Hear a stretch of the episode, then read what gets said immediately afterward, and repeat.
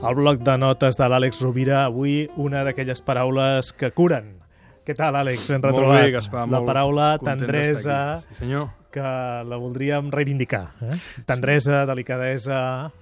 Jo crec que um, se'n parla poc de la tendresa i és, una, és un element clau en el vincle, en, en l'enfortiment i en l'establiment d'un d'un vincle relacional. Um, és una expressió de l'amor, diríem que gratuït i que d'alguna manera ens conviden al territori de la delicadesa.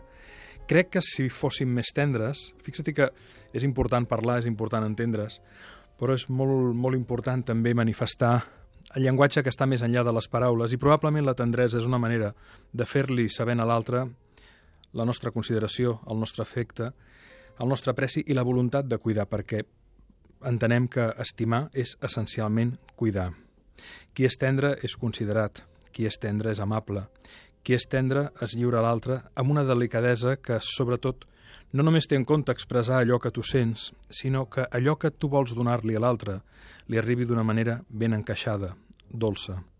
La tendresa ens fa pensar en els infants, ens fa pensar en els cadells, ens fa pensar, ara que estem a la primavera, en els brots verds, en allò que dona la natura per manifestar que de nou és viva i bategant, i en els humans la tendresa crec que, paradoxalment, tot i que el que significa és feblesa, és un dels símptomes més clars de que una relació és forta, de que una relació es manté viva i de que sobretot hi ha voluntat per les dues parts de cuidar-la i de, i de reforçar-la.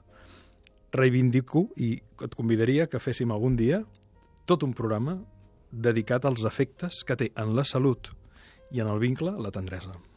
Ah, fantàstic, és una gran idea. Podríem fer-ho i podria ser molt molt interessant triar eh, persones que I tant, ens tant. puguin ajudar a enriquir l'aproximació en aquest valor que és la tendresa. En prenem bona nota. Moltes gràcies, Àlex. Gràcies a Bona tu, Gaspar. setmana. Molt bona setmana. Fins dissabte. Fins dissabte. I als oients també. Moltes gràcies, bona setmana, una forta abraçada.